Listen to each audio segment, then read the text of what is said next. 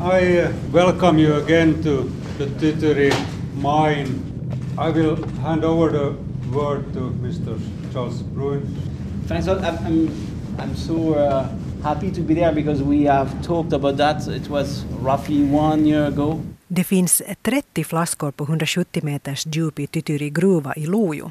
Det finns lika många champagneflaskor på cirka 30 till 40 meters djup i champagnehusets gruva i Frankrike. Och de här flaskornas innehåll ska jämföras med varandra.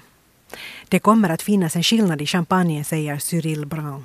Yes, I think there will be a difference because um, the idea of the project came in comparing uh, our current storage condition in Champagne in, a, in the chalk cellars, uh, which are at like 40 meters deep with uh, 90% humidity and, and the chalk outside. Det är mellan 5 och 8 grader i Tytyri gruva året om, vilket är kallare än gruvorna i Frankrike. Kylan kommer antagligen att göra att mognadsprocessen blir långsammare. Champagnen andas genom korken och källarmästaren tror att luften i Tytyri gruva kommer att påverka champagnen.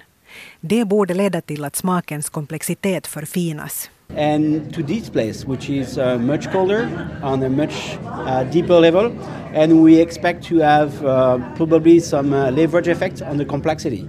But we know it should uh, slow down the process of aging of the champagne. Cyril Brun säger att hans champagnehus behöver minst fem år på sig innan han kan säga om mognadsprocessen har lyckats i Lojo eller inte. We, the idea is to to have them at a minimum of five years because I feel like we need five years to detect the first nuances we, we should get from that.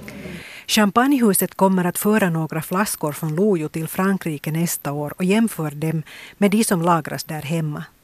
Sedan kommer nya flaskor till Lojo och lika många champagneflaskor sätts i lager i Frankrike. Och sedan igen ska de jämföras med dem i Lojo. Källarmästaren säger att han är i blåsten om lagringen i Lojo lyckas. Då måste han ju hämta mera flaskor till Tytyri gruva.